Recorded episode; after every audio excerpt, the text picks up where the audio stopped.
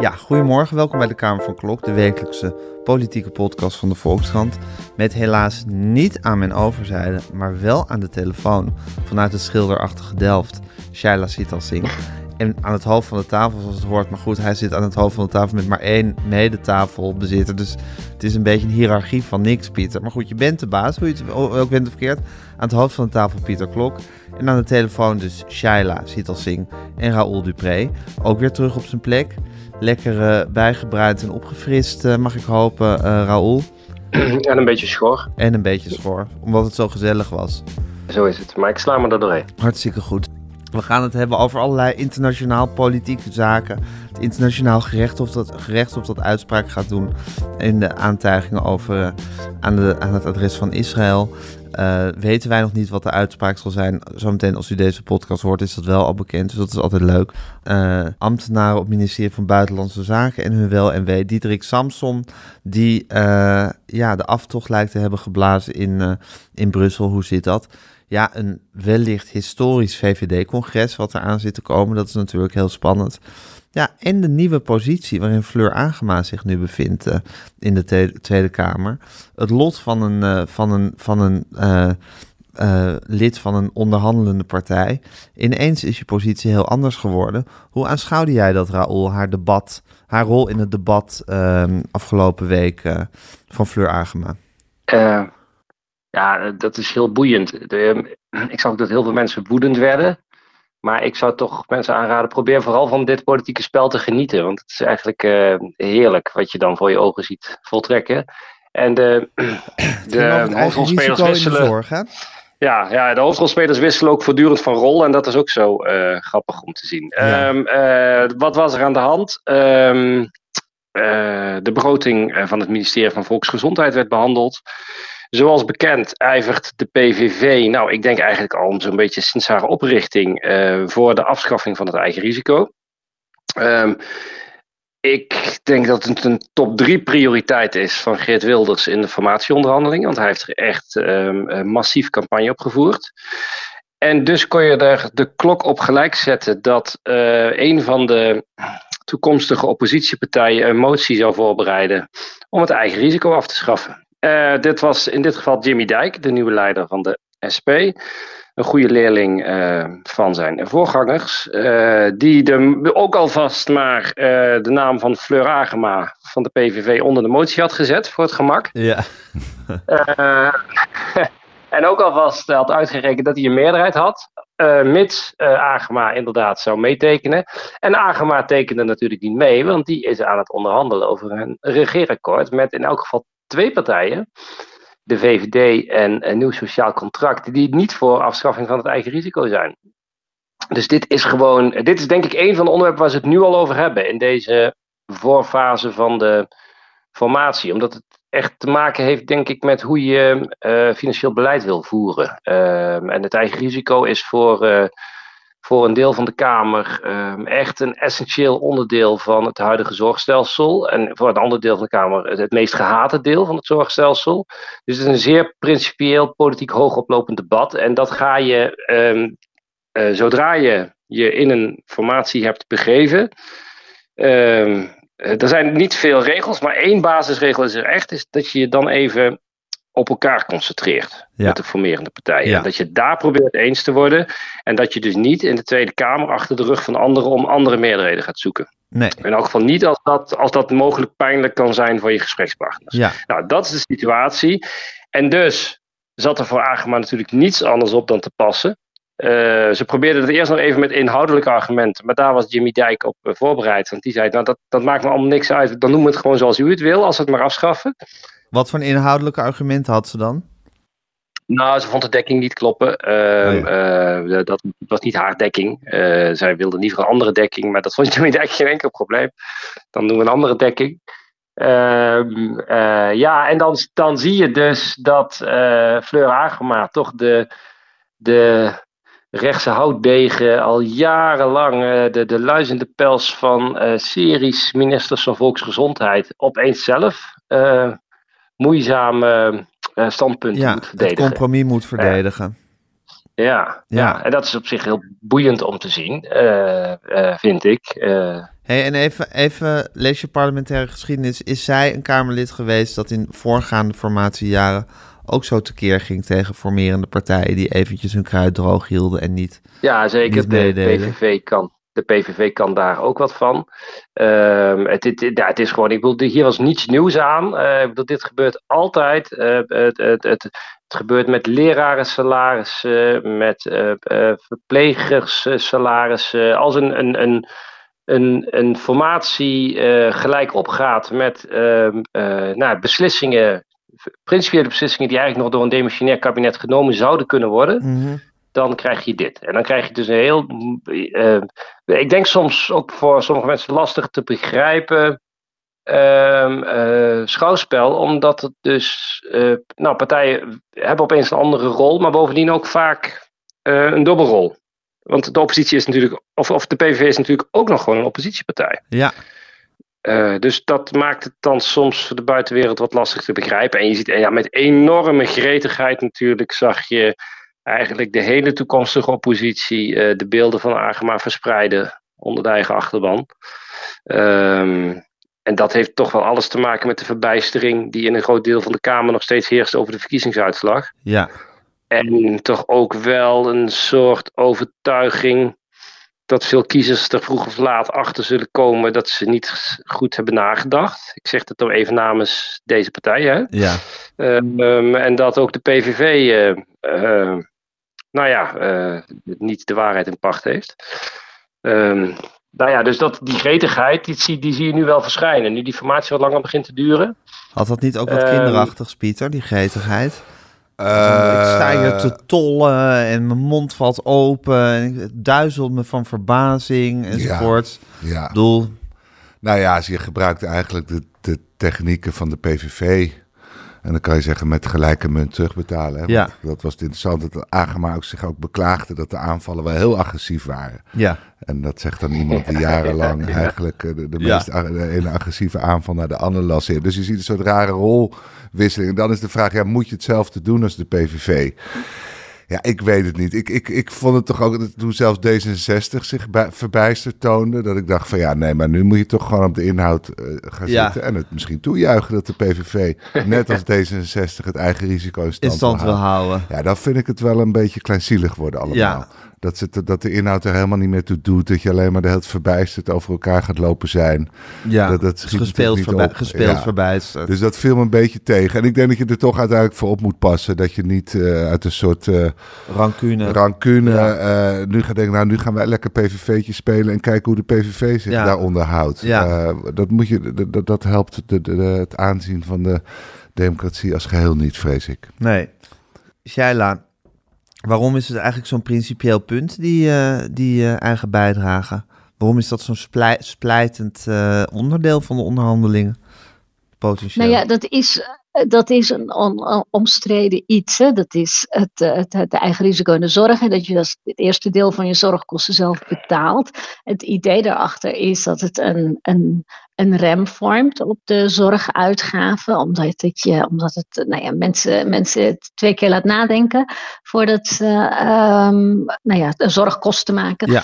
En, uh, en dat het uh, daarmee, uh, nee, het, het afschaffen daarvan is gewoon heel duur. Ja. En het gaat de PVV om het, om het principe. De PVV is niet de enige partij die het wil afschaffen. De SP wil dat ook. Um, gaat om het principe dat, dat, dat, dat je daarmee voor arme mensen de zorg nodeloos uh, moeilijk maakt, maakt, toegang tot de zorg nodeloos moeilijk maakt. Ja. Uh, nou ja, dat je ze afschrikt hè, om naar de dokter een te gaan. Een kwart van de mensen zou zorg mijden omdat ze, omdat ze bang zijn dat ze exact. moeten gaan betalen. Omdat, omdat dat aan hun ja, eigen bijdrage uh, komt dan. Exact. En, en de PVV, kijk, de PVV is ooit, uh, de, de, de, is ooit opgericht om een, als anti-moslimpartij, als anti-immigratiepartij, als, uh, als, als, als, als Partij van Nederland ja, voor de Nederlanders. Anti-Turkije in de EU-partij. Zeker. En gaandeweg is de zorg daar als een soort tweede pijler bijgekomen. En dat is eigenlijk vooral geheel te danken aan het feit dat Fleur Agema Kamerlid werd namens de PVV al heel vroeg. En zij heeft zich gespecialiseerd tot uh, zorgdeskundige. En uh, daardoor, het hangt heel erg aan de persoon van Agema. Ik denk dat als Agema niet meer in de Kamer zit, dat de PVV ook niet meer zo goed weet wat ze met de zorg aan moeten. Maar Agema is een zorgdeskundige al, al jaren en heeft dus zich dit dossier helemaal eigen gemaakt. En daarmee is het ook heel erg een PVV-ding geworden, dat afschaffen van eigen risico in de zorg. Het is, het is bijna net zo'n belangrijke pijler als, het, uh, als, als, als een Koranverbod of uh, hoofddoekjes in de openbare ja. ruimte. Het is, het is voor de PVV niet zomaar iets. Het is ja, en misschien, een groot ding. Misschien nog wel belangrijker, omdat dit in ieder geval op het oog haalbaarder is. Ik bedoel, een Koranverbod en, en hoofddoekjes in de openbare ruimte, dat gaat natuurlijk nooit gebeuren. Nee, dit, kun je gewoon doen. Dit lijkt, bedoel, dit, dit, je kan het hiermee eens zijn of Het kost een heleboel geld. Het kost een heleboel geld, maar het zal niet mensen tegen hun, hun principiële morele waarden ingaan. Nee, dat was ook de reden. Nee. Dat, oh, sorry. Ja? Precies. En, de, en, en ook, ook partijen ter linkerzijde hebben zich er ook altijd tegen gekeerd. En die zoeken dan misschien naar andere vormen. Um, in het, een, een, reden waarom dit nu ook uh, zo wordt nagedragen is omdat een van de cruciale momenten in de verkiezingsstrijd speelde zich af tijdens dat SBS6-debat, dat beroemde SBS6-debat, uh, uh, waarin um, een, mevrouw uit het, uit het publiek vroeg: mag het eigen risico? Wanneer gaat u het eigen risico afschaffen, meneer Timmermans? En dat Timmermans een genuanceerd verhaal begon met: ja, wij willen er ook vanaf, maar dat moet stapsgewijs. En, en nou ja, het is misschien ook een beetje afhankelijk van de inkomens wat we gaan doen. En dat Wilders daar toen keihard overheen ging. Die mevrouw heeft het nu nodig, ze kan geen seconde langer wachten. En dat nu Fleur Agemaan, wat is het, twee, drie maanden later zegt, uh, nou ja, die mevrouw moet toch maar, nog maar even wachten, want we zijn aan het onderhandelen. Dus die, die rolverwisseling uh, uh, maakt dit ook interessant. De politiek is voor een deel ook theater. Hè. Je speelt, het is tijd bepaalt, plaats bepaalt welke rol je speelt. En in een verkiezingscampagne speel je een andere rol dan in een formatieproces. Zeker. In de oppositie speel je een andere rol dan in de, in de coalitie. En dat zien we nu in een paar maanden tijd voor onze ogen voltrekken. En dat maakt dit zo'n mooie casus. Ja, maar met die nieuwe rol kan je dan wel geconfronteerd worden. Maar ben jij het ook een beetje Zeker. met Pieter eens dat bijvoorbeeld D66 ook met, die, met misschien zijn kruid een heel klein beetje droog moet houden? En ook zo'n moment moet kiezen om, om, om diepe verontwaardiging te gaan etaleren. En niet meteen bij de eerste de beste mogelijkheid. Hij waar iedereen het op een kilometer ziet aankomen dat dat gaat gebeuren. Meteen zo'n theater te maken. Of zeg jij gewoon lekker vol op het orgel meteen? Nee hoor, ik zou vol op het orgel gaan. Waarom zou je je daar terughoudend bij opstellen?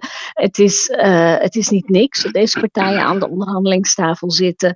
Um, het is niet niks wat er misschien wel staat te gebeuren, mocht deze informatiepoging uh, uitmonden in een formatiepoging en in een serieuze uh, poging om een kabinet te vormen.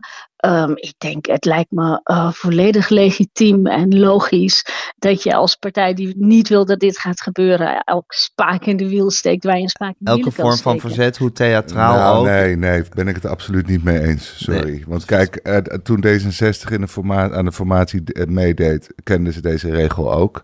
Dat je niet gedurende de informatiefase meerderheden met andere partijen gaat vormen. Dat heeft een reden uh, dat, dat die regel er is. Dus door nu vol op het ja, orgel te gaan. Ja, mag ik even uitpraten? formatieproces is. Ja. Pieter wil zijn zin afmaken. Mag Nee, ik ja, even uitpraten? Hebben we hier nog nooit gehoord aan tafel, volgens mij. Nou ja, kijk, nee, maar de crux komt wel op tafel. Shaila vindt het geen normaal formatieproces. Dus de- ja, als, je, als dat inderdaad, dan, dan kan je zeggen, ja, dan gelden normale regels ook niet. Dus dan is ons meningsverschil wat te verklaren. Ja, ik zou zeggen, blijf wel netjes aan de regels houden. Eh, je bent zelf bestuurspartij, bestuurderspartij geweest jarenlang. Dus je weet dat dit een functie heeft, deze regel. Dat je dit tijdens de formatie-informatie Niet niet doet. doet. Eh, Ja, dan vind ik dat op, op zo'n moment dat je als bestuurspartij, ik vind voor de SP nog net wat anders, eh, dat je dat niet doet. eh, omdat je laat zien dat, dat, je, dat je ook wel wil dat uiteindelijk eh, dit soort regels er niet voor niks zijn. Verkoop je niet een heel klein be- of een beetje, Charlie, je geloofwaardigheid uit als je je meteen ontpopt tot een soort PVV in de manier waarop je oppositie gaat voeren? Is een beetje Pieter Het is niet punt. per se PVV hè, om op deze manier oppositie te voeren. Elke oppositiepartij doet dit tijdens het formatieproces. Ik bedoel, de, eh, eh, D66 heeft het ook eerder gedaan als het niet aan de tafel zat. Dus het is in Ja, die zin ook niet raar. Het is niet een PVV-move. Het is gewoon een wat politiek parcours wat je aflegt. Het hoort er gewoon bij, ja. Ja. Het is ook wel normaal tussen aanhalingstekens. Maar het is wel interessant om te zien wat ze doen met het eigen risico. eh, dat mogelijke nieuwe kabinet, wat er waarschijnlijk nooit gaat komen. Want het is natuurlijk wel heel wezenlijk hè, qua mensbeeld. Het, is, het komt heel erg uit de koken van D66 en VVD. Dat je de mensen vooral met prijsprikkels tot bepaald gedrag moet aanzetten. Ja.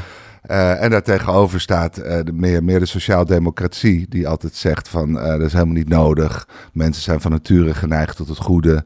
Die zullen echt niet gebruik maken van onnodige zorg. En de prijsprikkel dus die, die ervan uitgaat is van niet meteen naar de dokter Niet rennen. meteen naar de dokter. Nou, we hadden deze week nog een hoogleraar in de krant, die, die ook wel vrij hard, ja, ik ben zijn naam even kwijt, die vrij ja, hard zegt dat we veel te veel zorg verlenen in Nederland. Dat mensen te snel naar de dokter gaan. Vaak ook om, om redenen die niet medisch zijn. Hè. Goed, dus die, die moet je wel oplossen, die problemen, maar niet per definitie via de dokter. Uh, dus dat is wel een probleem. En mensen verwachten ook te veel van de medische stand. Ja. Dat die alles kunnen oplossen. Ja. Zo meestal hebben ze geen oplossing of een halfbakken oplossing. Of ze geven weer een pil om er maar vanaf te zijn. De meeste uh, problemen lossen zich op door niets te doen.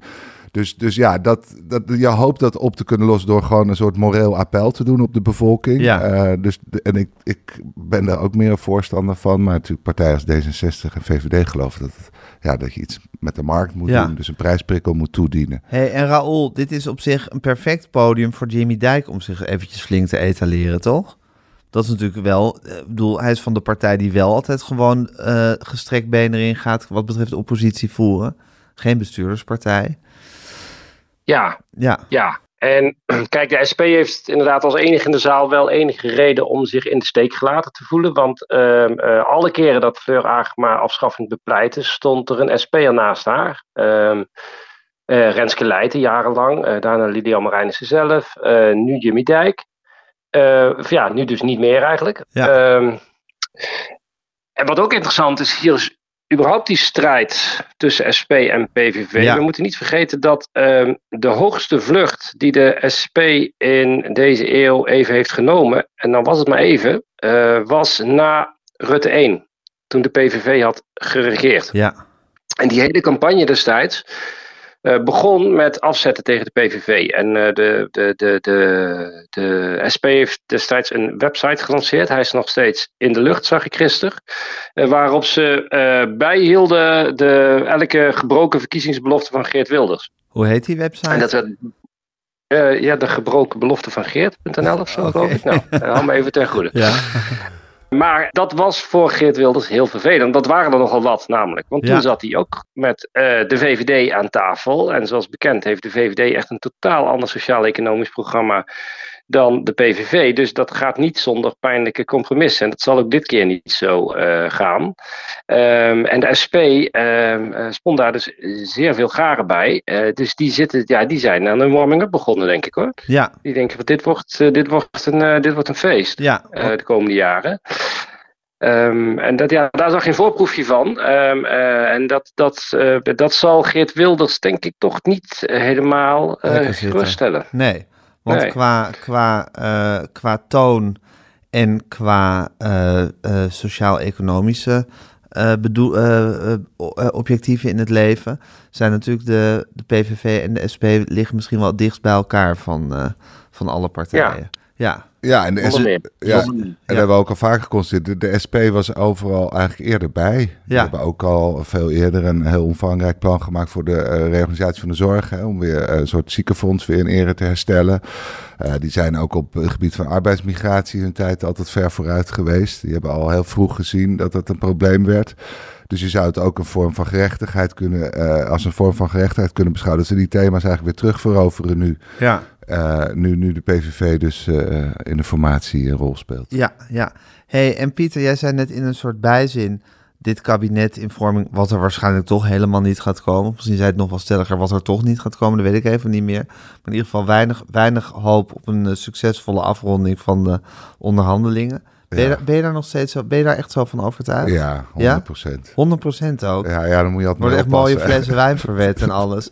Waarom, waarom, waarom, waarom groeit die stellige Nou, overtuiging Omdat de, de, de, de, de informateur, eh, die, die, die, die, zegt wel dingen, maar eh, zegt ook helemaal niets eh, eigenlijk. Ja, dat is informateur eigen, toch? Of niet? Ja, maar hij zegt, nou, je hebt echt, je hebt op geen enkele manier de indruk dat er vooruitgang wordt geboekt. Nou, Pieter Omtzigt van NRC, die eh, straalt volgens mij ook uit dat er helemaal op geen enkel terrein eh, overeenstemming is. En nu is ook uh, deze week is een nieuwe campagne begonnen via de Telegraaf van uh, met BBB kun je geen zaken ja, doen. Dat, vond Is ik, ook, dat vind ik heerlijke stukken. Ja. Uh, ineens grote twijfels over de financiële kennis van Caroline van der Plat. Grote zorgen. Grote Ja. zorgen om de financiële kennis nou ja, van de je BBB. kunt wel vermoeden uit wiens koker dat komt. Uh, iemand die wel altijd heel goed ingevoerd is in cijfertjes en getallen. En, maar ja, dus, dus Namelijk, wie? Nou ja, ik eerder NRC of misschien VVD, VVD zou nog dan, hè, denk ja, ik, ja. Dus uh, Ja.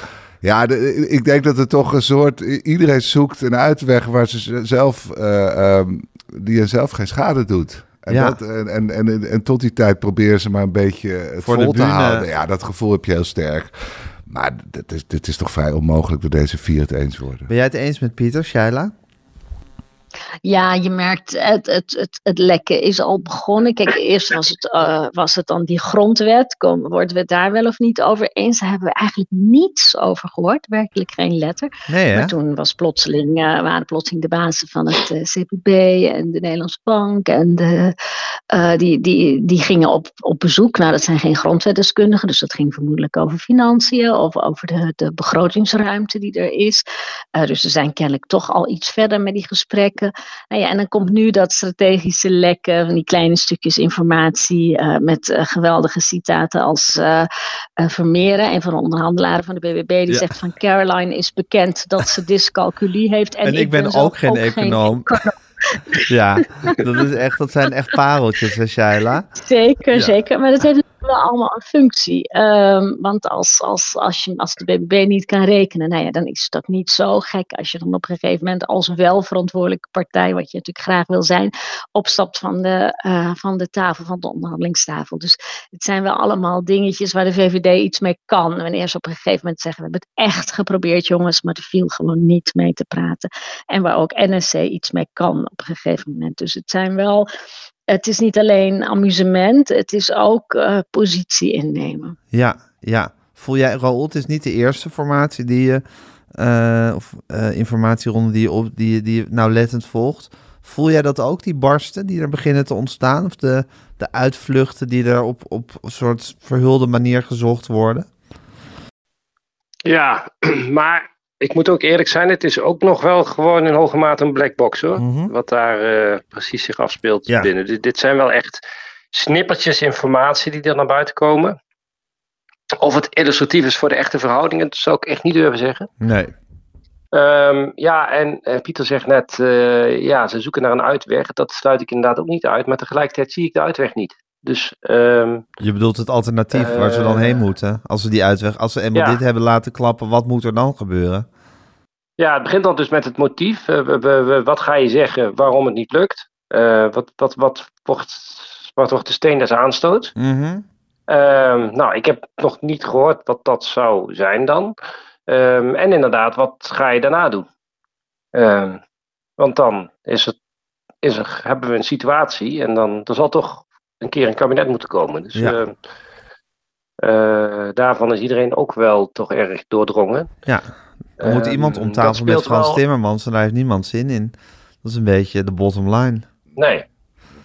Nee, sterker nog, eh, met, name de v, met name de VVD, ehm, eh, eh, ja, wa- wat je er verder ook van vindt, maar ze hebben toch erg uitgedragen dat de PVV is ingewikkeld, eh, maar alles beter dan Frans Timmermans. Dus eh, eh, ja, als je dan, dat, dat, dat wordt een behoorlijke draai dan, Ja, als, eh, als het toch dat moet worden. ja. En wie zou er het bangst zijn voor nieuwe verkiezingen, Pieter? Pff, Dat durf ik niet te zeggen. Nou ja, kijk, eh, eh, ja, dat, dat- nee, dat, dat durf ik niet te zeggen. Dat hangt heel erg vanaf van, van wat het breekpunt uiteindelijk wordt. Als de PVV kan zeggen van het, wij wilden het eigen risico afschaffen, maar die andere twee wilden niet. En dit was voor ons eh, een, een breekpunt. Ja. Ja. Nou ja, dan kan het best gunstig zijn Ja, voor de PVV. Dus ik Ja. zie best scenario's die, die ook gunstig voor de PVV zijn. VVD VVD 50 zetels VVD staat inmiddels v- dus in de peilingen. Ja, dat zegt niet zoveel, maar... Nee, dus dat is wel een risico. Nou ja, VVD vind ik ingewikkelder, want daar zie je... Nou goed, daar gaan we het straks misschien nog uitgebreider over hebben. Maar daar zie je wel ja, een soort richtingenstrijd ontstaan. Ja. Dus, dus welke richting willen ze opbreken? Hè? Willen ze breken omdat ze zich heel erg als degelijke bestuurderspartij uh, willen uh, profileren? Dus Ja. dan ga je inderdaad zeggen, die anderen kunnen niet rekenen. Ja, sorry hoor, hier kunnen we geen zaken mee Ja, doen. zij heeft dyscalculie en hij is ook geen ook een Dat kan, maar ja, daarmee versterk je misschien ook wel weer het anti-elite eh, gevoel... Ja. wat in grote delen van de samenleving eh, hangt. Dus Ja. het is voor de VVD nog niet zo eenvoudig, denk ik, om het ideale breekpunt te vinden. Nee, Ehm, ja, hetzelfde geldt voor... de ja, VVD voelt sowieso wel als de partij die nu een beetje in de hoek zit waar de klappen vallen. Ja, Ik bedoel, die kunnen, Kunnen zie, weinig, weinig glorieuze uitwegen voor, eh, voor de VVD. ik zie ze nog niet. Nee, ik zie ze ook Want niet. ze kunnen ook niet zeggen, het immigratiebeleid was ons niet streng genoeg. Hè? Dus, Ja. want dat, dat, daar zal het niet op, Nee. eh, op, op kapot gaan. Hey, en Raoul, les je parlementaire geschiedenis. Eh, is het ooit gebeurd dat een formatie niet lukte en dat er toen verkiezingen zijn uitge- nieuwe verkiezingen zijn uitgeschreven? Nee, toch? Zonder dat er eerst een kabinet is Ja, aangetreden. ja. O- eh, ooit weet ik niet, maar niet in de afgelopen halve eeuw. Nee. Er wordt altijd wel een poging gedaan om, om, om iets op het bordes te zetten. Eerst. En Ja. het ka- kabinet van, eh, wat was het, 1980, 81, wat er een jaartje zat. Nee, maar die zijn ook die zijn bij de regeringsverklaring al gevallen. Maar het, toch, toch nog wel eerst gekomen. Ja, Ehm, eh, eh, nou ja, we hebben natuurlijk eh Balken en de Ene gehad. Wat was het? 87 dagen. Ja, ja, Ehm, maar dat was wel een echt kabinet. ja maar dat, Ja. Ze, dat ze zeggen van we komen er echt niet uit, jongens, met elkaar. Ga maar even, we gaan opnieuw dobbelen. Dat is toch, dat is toch volgens mij niet eerder voorgekomen. Maar goed, Nee. ehm, we gaan het meemaken. En Pieter, nee, en ik denk trouwens eh, daarvoor ook niet, want in die naoorlogse jaren gingen die formaties heel anders. Dan, dan riep eh, de koningin gewoon even wat fractieleiders bij elkaar en die zei: Zullen we het zo doen? En dan was het eh, meestal gepiept. Ehm, dus nee, dat, het zou een unicum zijn, denk ik. Ja. Ja. Pieter stipte net al het VVD-congres aan dat aanstaande is. Ja, dat wordt wel smullen, Shaila? Nou ja, ja, smullen. Het wordt in elk geval heel interessant om te zien hoe de verhoudingen in die partij liggen. En eh, congresgangers zijn, eh, niet, zijn, zijn misschien niet helemaal representatief voor het hele VVD-electoraat. Nee. maar zijn wel representatief voor het deel dat de grootste invloed heeft op, het partij, op de partijtop en het partijkader. Er zitten ook donateurs bij, mensen die, van wie geld eh, de VVD afhankelijk is. Eh, nou ja, hun, hun opvattingen zijn ook allemaal van belang. En dat, dat kan nog wel eens eh, uiteenlopen, want het is ook niet helemaal evident dat bijvoorbeeld het migratiestandpunt eh, eh, van de VVD breed gedragen is. Ja, misschien wel ten aanzien van asielmigratie, maar niet ten aanzien van arbeidsmigratie. We hebben ook deze week de topman van ASML gezien, hè, Wenning, die eh, zegt van ja, eh, jongens, als jullie gaan morrelen aan eh, arbeidsmigratie, maar bijvoorbeeld ook aan studentmigratie, dan, dan snijden jullie voor ons een heel belangrijke lijn af, Ja. onze levenslijn zo ongeveer, namelijk hele slimme mensen van buiten die deels hier worden opgeleid en bij ons komen werken, of die op een andere manier via allerlei buitenlanden tot ons komen. Nou ja, als, dat, als jullie het moeilijk gaan maken, dan kan ik ook elders mijn activiteiten voortzetten of uitbreiden. Dat zijn, eh, daar, zijn, eh, daar is de, de VVD natuurlijk ook gevoelig voor. De VVD is wel verantwoordelijk, of voelt zich mede verantwoordelijk voor ehm, het, het eh, draaien van de Nederlandse economie en, en, en, de, en, en het grote bedrijfsleven en de parels eh, van de economie heet. Dat is ook nog een tamelijk genuanceerde discussie binnen de VVD, hoe je tegen dat hele migratievraagstuk aan moet kijken. En dus dat is interessant. Ehm, je ziet binnen de VVD ook ehm, eh, dat de Europese fractie eh, aanloopt tegen de grenzen eh, van wat je nog kan maken in nationale onderhandelingen. Malika Asmani, die eh, voor de eh, VVD in Brussel zit en Mhm. die zich had opgeworpen als leider van de liberale fractie daar, heeft zich nu teruggetrokken, omdat het voor andere partijen met wie hij daar de liberale fractie uitmaakt, eh, in het Europees Parlement. eh, ja, het, ondenkbaar is dat die partij op nationaal niveau onderhandelt met wat zij zien als een rechtsextremisme. Ja. Dus dat, ehm, de- de- de- en die, die afdeling zit er ook nog hè, in de VVD. Het internationalisme. Asmani heeft niet zo lang geleden een tamelijk eh, pro-Europese document afgeleverd. dus er zitten de huizen, nee, daar hebben we het heel vaak over gehad, de huizen heel veel zielen in de borst van deze partij. En op zo'n congres kun, kun je dat een beetje proeven en zien. En wat je op zo'n congres ook goed kan proeven en zien, is hoe geaccepteerd het leiderschap van Dylan Jezelgus is. Ja. Wordt. En hoe de potentie, of daar nog groeipotentie in zit. En hoe zij wordt gezien. Ja, je kan ook En dat nog gaan we allemaal zien een morgen. beetje het humeur van die partij nu eh, peilen. En ze Zeker. natuurlijk, Ja, absoluut. je kan natuurlijk zeggen dat ze misschien lekker, lekker anti-immigratieachtig, eh handen wrijvend eh, die onderhandelingen ingingen met de PVV. Van nu kan het eindelijk eens over rechts. Maar misschien nu toch ook inderdaad een beetje beginnen te voelen van... oh ja, een heleboel soort kernwaarden die we hebben... worden ook wel gewoon heel erg ondergraven door de PVV. Ja, eigenlijk Ja. door die ruk naar rechts komen er ineens weer andere stromingen eh, Ja. bloot te, te, te- te Ja. liggen. Van, die daar een beetje mee in strijd zijn met die beweging. Dus dat is inderdaad die, die toch ook nog steeds pro-Europese beweging. Ik- denk dat Rutte er toch wel een meester in was om al die stromingen op de een of andere manier een goed gevoel te geven. En, Ja. en, en, en dat wordt ingewikkeld op het moment dat de nieuwe eh, eh, partijleider toch duidelijk kiest voor, voor een ruk naar rechts. Dan, Nou, en, Rutte, en Rutte was de grootste. En Rutte hield de PVV heel duidelijk buiten Ja. de deur. En met de PVV kunnen ze wel lekker anti- anti-immigrant zijn samen. Maar Ja. voor de rest is, is er toch eigenlijk ook weer vrij weinig wat ze bindt. zou je kunnen dus zeggen. dat zie je ook. Ja. En die Asmani wil gewoon een, eigenlijk- gewoon een groot en sterk Europa. Ja, dus die wil dat vetorecht afschaffen. Die wil echt Europese defensie bouwen. ja. Eh, die ziet natuurlijk Oekraïne als een, of, of Rusland als een groot gevaar. Ja. Eh, nou ja, daar, daar denkt Wilders ook nog steeds anders over. Want het gekke was, daar zei een Kamerlid deze week wel iets over. Hè? Dat die steun aan Oekraïne, dat, dat dat toch maar eens afgelopen moest zijn. Want zolang de mensen hier omkomen van de honger, of nou ik weet niet precies hoe die het formuleerde, maar met de hogere prijzen worden geconfronteerd, moeten we toch eh, die- dat geopolitiek spelen, moeten we maar achterwege laten. ja. Eh, dus die mocht zich wel uitspreken. Terwijl ik kan me voorstellen, dit is toch ook een belangrijk onderwerp in de onderhandelingen. Hoe we ons ja maar misschien dat daar niet meteen Ja, een motie denk, was. Als er, nee, precies. Als Ja. er een amendement van motie nu wordt ingediend om de steun aan Oekraïne af te bouwen, denk ik niet dat de PVV meetekent hoor. Oké. Nee, Agema zei ook nog wel dat ze tegen eigen risico was. alleen dat dus ze mag het nog wel vinden, maar ze mag het niet doen. Zeg maar. Nee. Ze is eh, met handen en voeten gebonden.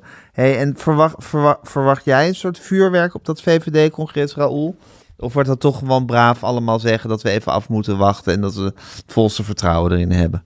Nou, ik bedoel, laten we hopen op een goed debat. Maar ik denk dat de stromingen die jullie net beschrijven, Ja. de ervaring leert dat die toch ver in de minderheid zijn op eh, VVD-congressen. En het zou mij niet verbazen als de overgrote meerderheid daar eh, juist een aansporing eh, gaat doen richting Jezus om eh, dit gewoon te proberen. Ja, precies. Wilders. Die toch gewoon handen vrij ook- staan te wachten op dit, Ja. deze coalitie. Dat is ook wat de achterban, althans getuige de opiniepeilingen, een overgrote Mhm. meerderheid wil. Ehm, denk ook terug aan Rutte 1, toen het CDA bijna ten onder ging aan de principiële discussie over samenwerking met Wilders bij de VVD. Hè, er waren er een paar, er zijn hier en daar wat leden opgestapt. Er waren een paar mensen die de discussie aanzwengelden. Maar die bijeenkomsten waren echt niet te vergelijken met die bij het CDA. Nee. Nee, maar toen bij het CDA was, was de coalitie al gemaakt, toch? Of, of tenminste, dat congres moest er eigenlijk over gaan beslissen. Over of ze, of ze, het, of ze het wilden. Zover zijn ze nog Nee, niet bij de dat- VVD. Nee, en uiteindelijk denk ik dat het dus. ehm, ehm, ik, ik vermoed eigenlijk dat in de huidige VVD meer consternatie zal ontstaan over een conceptregeerakkoord met allemaal linkse PVV-voorstellen. Ja. Ik noem maar iets. Afschaffing eigen risico. Mhm. Dan over de principiële vraag: willen wij wel met de PVV regeren die nu eigenlijk op tafel ligt? Ja. Ehm, ja, Dus wat dat zo betreft kan het nog best wel een beetje een soort, soort, soort braaf congres worden. Ja, het enige is dat, wat, dat, in- dat leiderschap van Jezus is inderdaad interessant. Want op andere VVD-congressen was het altijd vooraf nog best wel wat rumoer. En dan kwam Mark Rutte de zaal binnen en dan sloeg hij iedereen op de schouders. En dan ehm, eh, ballonnen en confetti en eh, op naar de En bar. bitterballen. Ja, ik weet niet of Jezus op dit moment, na alles wat er de afgelopen weken gebeurd is, die status al heeft. Nee. Nee. Nou, dat gaan we allemaal via de livestream. Gaan we dat eens eventjes rustig bekken. Of ga je daarheen, Raoul? Ik ben er zelf niet, maar we zijn er uiteraard bij. Oké, heel goed. De Volkskrant is erbij. Hey, en de aftocht die, eh die Diederik Samsom geblazen heeft eh, uit Brussel. Is dat, heeft, heeft die betekenis? eh Shaila, heb jij daar een gedachte over? Of Raoul of Pieter? Of is dat, is, dat, is dat gewoon... Was het weer eens tijd voor wat anders? Nou ja, in november had hij sowieso weer weg moeten. Mhm. Want dan stopt de hele commissie ermee. Ja. hij wilde vooral nog die, die klimaatop in Dubai uh, mee helpen voorbereiden. Ja. En, en Wopke Hoekstra daar goed bij begeleiden. En ik geloof dat hij nu nog een Green Deal 2.0 schrijft. In, de hoop dat de nieuwe commissie uh, dat ambitieuze beleid voortzet. Ja. Wat natuurlijk de grote vraag is. Want als inderdaad die populisten gaan winnen, zoals het er nu naar uitziet. Ja. En die christen-democraten misschien ook nog wel. Dan zal het heel moeilijk worden om die uh, ambitieuze lijn vast te houden. Ja, uh, hij had natuurlijk heel erg gehoopt dat, dat, dat, zijn voormalige commissaris de nieuwe premier zou worden hier. Dus dat hij het Brusselse beleid hier in de praktijk had kunnen brengen. En dat scenario is uh, niet uitgekomen. Daar hebben ze natuurlijk wel jaren, denk ik, aan gewerkt. Uh, dus het is ook wel, uh, nou ja, hij staat nu, als hij stopt, ook een beetje met lege handen. Ja. Terwijl ze zich toch dat duo in, in Europa een vrij belangrijke machtsfactor vrij hard heeft laten gelden. Ja. ja. maar dat is een beetje uit elkaar gevallen eigenlijk. Ja, dus ik ben heel benieuwd of hij er weer... of hij weer... in de Nederlandse politiek? Nou, de Wordt hij nu gewoon topman bij Shell? Hooguit als minister. Oké. ik denk dat hij nooit meer uh, uh, de arena van de Tweede Kamer betreedt. Want daar heeft hij toch wel heel veel slechte ervaringen mee. En de vraag is ook of hij dat beheerst. Hij was heel erg inhoudelijk gedreven. Mm -hmm. En vergat, of althans, ja, die analyse kun je achteraf wel maken. Hij vergat vaak toch de mensen mee te nemen. Of hij ging vaak te snel. hij was ook misschien iets te... Ehm, veel bezig van, nou ja, uh, dit is gewoon een mooi compromis. Zo gaan we het gewoon doen. Uh, en zich onvoldoende realiseerde dat, je, dat dat heel lang duurt voordat je je hele achterban daarin mee ja. hebt. Waar zie jij hem weer opduiken, Shaila? Um, weet ik niet. Ik denk um, niet, jij noemde Shell. Nee, dat lijkt me ondenkbaar. Grapje, was een grapje, was een grapje. ik denk, ik denk Alhoewel Wim Kok ook bij ING opdook toen hij, toen hij uh, premier als afkwam. Commissaris. commissaris. Ja. Ook bij Shell. En, toen een soort, en toen in een soort Fleur Agema-achtige uh, situatie terecht kwam, namelijk in een andere rol iets moest verdedigen. Wat hij daarvoor uh, toch ondenkbaar had genoemd. Ja. Dus dat, uh, maar nee, ja, nee, ik, ik, ik, ik, ik, denk, ik denk bestuurlijk, ik denk uh, klimaat, ik denk nog steeds in die lijn, er moet nog zoveel gebeuren op dat vlak. En ik begrijp dat hij ook geen zin had om met Hoekstra nou allemaal bruggetjes naar de Christen-Democraten te gaan slaan. En, en de Green Deal uh, te, te, te, te, slikbaar te maken voor hun. Dus nee. Nee, we zien hem nog absoluut terug. Het is, hij, is, hij, heeft, uh, hij is nog lang niet klaar. Nee, en zijn bevlogenheid zal hem niet verlaten, denk je, Shaila? absoluut niet. Nee, nee, hoor. Nee, nee. Onvermoeibaar. Nee. En hij heeft een enorm netwerk, hè? Ja, ja. Um, wat was er aan de hand met de ambtenaren op buitenlandse zaken, jongens, in, in, in, in, in zaken Gaza? Gaza? Uh, nou, dat is al een lang sluimerende zaak. Ja. Er zijn een aantal ambtenaren op buitenlandse zaken zijn heel ontevreden over de Nederlandse opstelling in zaken Gaza. Die vinden het, kort gezegd, dat we te pro-Israël zijn ja. en het niet hard genoeg veroordelen. Uh, ja, dus daar broeit al heel lang een zekere onvrede. Die wordt wel geleid door een ambtenaar waarvan je kunt afvragen of die nog wel ambtenaar is. Of die niet meer activist is. is Ze demonstreren, uh, ja, dat weet wel Angelique Eipen of zo heet Ja. Uh, uh -huh, dus die heeft zich ook heel duidelijk geprofileerd als activist. Uh, dus het is moeilijk om het goed te lezen. Uh, er zijn ook brieven met, waar, waar wordt geschermd met, te, te, geloof ik eerder, 200, 300 anonieme ambtenaren. Maar ja, dat vind ik altijd een beetje tricky. Wie zijn dat dan? Op welk niveau zitten die?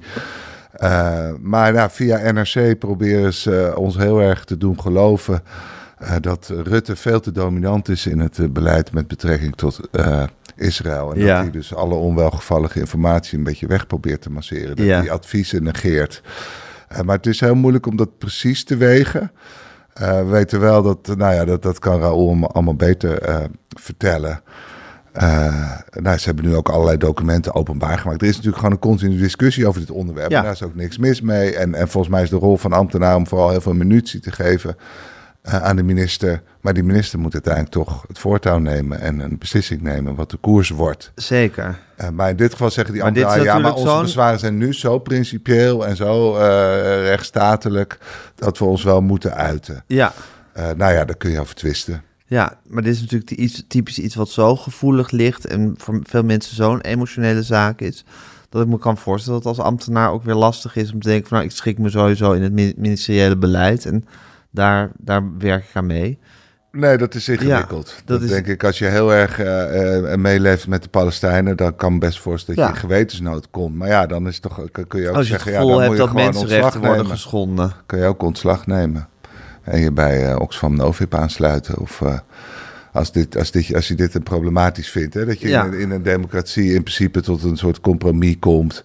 Waarbij je inderdaad heel veel dingen afweegt. En, en mensenrechten Ja. niet altijd op de eerste plaats zitten. Dat doen Ja. we ook niet met betrekking tot China. Ja. Eh, eh, dus, dus ja, maar dat heeft voor de benoemde Angelique Eipen volgens mij ook gedaan, toch? Ontslag genomen. Of niet? Ja, is ze nog, heeft ze alleen als deze reden diplomaat ontslag ontslag heeft genomen? Weet Raoul altijd beter. Raoul. Ja, dat is een beetje onduidelijk. ik geloof wel dat zij over een tijdje weg is bij eh, Buitenlandse Zaken. Oké. Eh, maar er zitten daar ook wel mensen op de stoep die niet weggaan hoor. Dus, dus, dus ehm, het is heel principieel. Nou ja, sowieso is dit natuurlijk een diep principieel conflict Ja. dat hele harde breuklijnen in de Nederlandse samenleving ook trekt. En wat dat betreft ehm, zijn ambtenaren ook gewoon mensen, denk ik. Ja. Wat er wel u, tamelijk uniek aan is, is dat, ja, dat het, die onvrede tegen het eigen, ja, feitelijk ook gewoon tegen de eigen minister, eh, dat kan ik me niet herinneren, dat het op deze manier geventileerd wordt. Nee. Ehm, ehm, ja, en ik zag hier en daar dat er dan gesproken wordt over, ja, dit zijn klokkenluiders. Toen dacht ik, is dat nou zo? Kijk, klokkenluiders melden misstanden.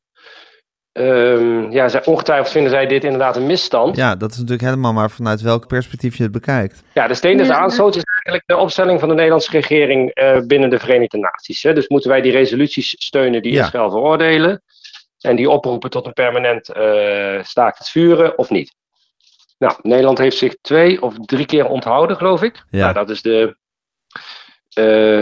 eh, dan volgens deze ambtenaren laf ehm, en te weinig uitgesproken. Mhm. Maar ja, het is, ook, ja is, is het klokkenluiden als je het gewoon niet eens bent met de minister. Hè? Ja, het lijkt er toch op dat dat vooral eh, eh, het geval is. De suggestie is dat Bruin Slot niet hier zelf beslist en eigenlijk iets anders zou willen dan de minister-president. Daar hebben we uitvoerig onderzoek naar gedaan en vooralsnog geen aanwijzingen voor kunnen vinden. Maar wat zou Bruin Slot dan willen? Nou, die zou iets meer geneigd zijn dan, volgens, eh, dat is de suggestie, De om om wel voor de, voor de resoluties tegen Israël te stemmen, bijvoorbeeld. Ja. En de en premier dwarsband zijn had. teruggefloten vanuit het torentje. Ja. Ehm, eh, maar ja, nou ja, wat ik het, waarom ik niet meteen denk dat dat zou. Ik, we weten het niet, maar ja, Bruin Slot is een CDA en het CDA, het CDA verschilt hier doorgaans niet erg van mening met de VVD. Nee. Ehm, o- ook van oudsher niet. Dus, ehm, nou ja, het, het is een diffuus beeld. Ehm, ik vraag me wel af, eerlijk gezegd, ik zag nu ook in de Telegraaf al wel, die hadden toch weer wat eh hoogleraren en experts die zeiden, ja, dit is toch, die ambtenaren die begeven zich nu toch echt buiten de eh, orde. Naarmate dit langer gaat duren, zal het debat wel gaan oplaaien, denk ik. Want je hoorde die geluiden ook al in de Tweede Kamer nu. En jongens, eh, moet iemand hier niet tegen optreden? Mhm. Dus dat, ja. Ja, er, er is iets interessants aan hadden, even, als je even abstraheert van deze kwestie, maar gewoon het ambtenarenapparaat. Ehm, daar, daar leeft natuurlijk een trauma. En dat is het trauma eh, van de toeslagenaffaire. Hè, ambtenaren zweren trouw aan de grondwet en aan het publieke belang. Maar ze volgen in de praktijk hun politieke bazen en, en, vormen, en volgen de politieke lijn. En dat leidt soms tot ehm, gedoe of tot, tot interne conflicten. Nou, je zag het bij de toeslagenaffaire. Daar is ambtenaren verweten dat ze te veel de oren hebben laten hangen naar het publieke belang en naar het belang van hun politieke bazen. Het, het politieke belang, ik zei publiek politieke belang en het belang van hun politieke bazen. En daarmee de rechtsstaat eigenlijk geweld hebben aangedaan, intern. Nou, da- daar is een heel programma opgezet. Hè. Ambtenaren op al die ministeries krijgen nu de hele tijd voorgehouden. eh, je kompas moet de grondwet zijn. En, en, en, en, en een soort, soort, soort, en je moet een soort intern ethisch kompas ontwikkelen. En, en dat is niet een, een verzinsel. De Raad voor het Openbaar Bestuur heeft een paar jaar geleden een heel dik rapport over de rechtsstaat geschreven. Heel, heel, heel hoofdstuk over ambtenaren, waarin staat: die worden in het politieke domein gezogen. Het rechtsstatelijke bewustzijn van ambtenaren schiet tekort. Nou, er moesten dus allemaal bewustwordingsprogramma's opkomen. Dus al die ambtenaren krijgen nu te horen: nee, je moet een, een rechtsstatelijk kompas gaan volgen. En dat zie je hier ook terugkeren, dat, dat in dat ambtelijke apparaat, en in dit geval het BZ, uh, um, men de lijn volgt van ja, nee, maar uh, is hier wel of niet sprake van uh, misdaden tegen de menselijkheid en moeten wij ons daar niet veel harder over uitspreken. Nog even los van alle politiek en, en, en, en hoe het precies zit op BZ. Maar de, de, als je uitzoomt, is, is, in dat, is dat hele ambtelijke apparaat is een beetje in beweging en is aan het nadenken. En doorloopt ja, al programma's in. En is zich aan het afvragen bij elke dossier nu van, oh god, uh, uh, wat zijn we hier eigenlijk aan het, uh, aan het doen. Ja. Dat besef is er eens te meer omdat um, er nu wordt onderhandeld met de PVV. En je straks misschien het, het, de opdracht krijgt, kijk eens of we, weet ik veel, asielzoekers kunnen laten uitzetten ja. naar Rwanda. Of hè, de, vanuit de Trump, vanuit de Trump-regering kennen we dit soort voorbeelden van Amerikaanse ambtenaren die um, de, die moslimban niet wilden uitvoeren of in elk geval niet wilden faciliteren. Dus het is het zijn ook, eh, ambtenaren krijgen nu dit soort vraagstukken de hele tijd. Ja. En ik, ik zeg niet dat dit daar een rechtstreeks gevolg van is, maar dat is wel de context waarbinnen dit aan het gebeuren is. Nee, maar de vraag is natuurlijk wel van, moet je je eigen morele kompas volgen als ambtenaar? Of ben je als ambtenaar nou, alleen maar een uitvoerder die nou, gewoon niet je, moet... Niet je moet... eigen morele kompas, maar de grondwetten, de, de, de, de rechtsstatelijkheid. Dus niet wat je zelf vindt of je eigen opinie, maar um, uh, binnen welke context moet, het, moet een democratische rechtsstaat functioneren. Dus dat is eigenlijk nog een, nog een, zit, zit, zit daar nog een niveau boven. Ja. En dat, nou ja, en daar worden ze in al die programma's, moeten ze, krijgen ze allerlei dilemma's voorgeschoteld. Van goh, wat doe je in dit geval, wat doe je in dat geval? En denk toch aan de toeslagenaffaire. Nou ja, ik zeg niet dat het hier aan de hand is, maar dat dit wel de context is. Nou ja, volgens mij is dat een goede ontwikkeling dat ambtenaren er beter over nadenken. Maar ik denk dat je wel een verschil moet maken als je wordt gevraagd om, uh, om bij te dragen direct aan een beleid wat tegen de rechtsstaat, rechtsstatelijke principes indruist of tegen ja. algemene morele principes. Maar ik vind dit een politiek debat. Hoe je tot Israël en Gaza moet verhouden. Ja, maar goed, als, je, als ik dan en, even en advocaat als... van de duivel speel... en namens die ambtenaar praat, kan je ook zeggen... we zien dat het oorlogsrecht geschonden wordt. We zien dat het mensenrechten geschonden worden. We zien dat er misdaden tegen de menselijkheid ja, maar worden. zij worden toch niet persoonlijk gepleegd. gevraagd... om daaraan bijdrage aan te leveren nou ja, maar, als als ambtenaar? Je, nee, maar als je dan zegt van... en Nederland weigert zich daartegen uit te spreken überhaupt. Ja, maar dat is een politieke discussie. Kijk, als je als ambtenaar... je, je moet uitvoeren, beleid uitvoeren. Mm -hmm. Daar ging die vorige discussie bij de toeslagaffaire over. Dat was de uitvoering van beleid. En bij die uitvoering van beleid moet je de hele tijd afvragen van niet alleen van wat, wat wil de minister, maar zijn we hier niet gewoon uh, uh, ja, de, de fatsoensnormen aan het overtreden. Mm. Bij de uitvoering van beleid. Ik heb niet het gevoel dat deze ambtenaren bij de uitvoering van beleid betrokken zijn. Van die Angelique Eipen weten we het zeker. Uh, want die is eigenlijk al in de praktijk uit dienst. Dus dan is het een politiek debat. En dan vind ik het moeilijk dat je je ambtenarenstatus daarvoor gebruikt, toch min of meer. Om dat politiek debat. Dan mag je dan gaan demonstreren. Hè? Je mag alle rechten die je als burger hebt, mag je uitoefenen. uitoefenen. Maar ik vind niet dat je ambtenarenstatus daar een rol in mag spelen. Raoul? Ja, nee. Uh... Um, Punt. Ja, ja. Kijk, hun voornaamste argument is dat zij zeggen dat Nederland uh, hier niet consequent is. Hè? En dat wij andere landen al lang zouden hebben veroordeeld voor wat er in Gaza nu gebeurt en bij Israël aarzelen. Um, en dat we er wel als de kippen bij zijn om uh, mee te doen aan raketaanvallen op de Houthis. Als onze containers. Um, en dan, dan, dan is het meteen Hugo de Groot en uh, internationale zeerecht en zo. Mhm. Mm -hmm. ja, um, dat is geen onzin, denk ik. Maar inderdaad ook wel een, gewoon een politiek debat. Ja. Um, en dat maakt het ingewikkeld, denk ik. Ja. En dan moet je toch oppassen eer je daarin mengt. Oké, okay, nou goed. Uh, om één uur is er uitspraak van het Internationaal Gerechtshof. Een aanklacht tegen Israël. Ja, dat wordt heel interessant. Waarom wordt dat heel interessant, Pieter? Nou ja, omdat we uh, daar allerlei dingen door elkaar heen gaan lopen. Namelijk? Eh, nou ja, Nederland eh, profileert zich graag als... eh, Hoeder van het internationale recht. ja, Ja. met allerlei instituten die we hier hebben. Dus dat, dat vieren we, daar zijn we trots op. Ja, Dus op het moment dat daar... Dan is het heel interessant om te zien... op het moment dat daar een uitspraak wordt gedaan... ik weet niet hoe groot die kans is hoor... maar ja, die toch uh, lijnrecht staat op het Nederlandse beleid... met betrekking tot Gaza tot nu toe. Wat, Ja. wat gaat Nederland dan doen? Zeggen we van, nou ja, het recht heeft eh, eh, Gesproken. gesproken. We moeten ons daarbij neerleggen. Of zeggen, ja, maar nee, maar wij zijn het hier als land helemaal niet eh, mee eens. We gaan, tegen dit, we gaan dit niet ten uitvoer brengen. We gaan dit gewoon naast ons neerleggen, zoals Israël ongetwijfeld zelf ook gaat doen. ja, nou ja, wat dat dan betekent. Hoe Nederland zich internationaal... In, je hebt natuurlijk het nationaal debat altijd. Hoe, hoe moeten we ons tot rechtelijke uitspraken verhouden? Daar is toch van, nou ja, daar mag politie niks van vinden. Scheiding der machten. ja.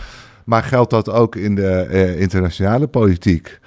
Eh, ja, daar ben ik heel benieuwd naar. Ja, Want eh, ja, tot nu toe zijn we volgens mij wel geneigd om te zeggen... nou ja, als daar wordt geconstateerd dat of... maar dat doet niet dit ja, gerechtshof, hè, dat doet het strafhof. En dit is nog wel goed om even de context te schetsen. Dit gaat puur om de genocidebeschuldiging. Je hebt ook nog de beschuldiging dat, dat het oorlogsrecht wordt overtreden... en humanitair recht. En dat loopt via het strafhof. Dus Ja. het is niet zo... en wie heeft deze genocide... eh, Dat is Zuid-Afrika Zuid-Afrika heeft dat gedaan, hè? ja, oh, toch min of meer op eigen houtje hebben die deze zaak opgebouwd. Maar ja, dat, dat is natuurlijk een heel zware aanklacht. Dus Ja. het, het zou mij verbazen, Verbazen. als het eh, inderdaad het gerechtshof eh, zegt dat er sprake van is. Maar goed, ze kunnen ook nog wel wat tussenuitspraken doen.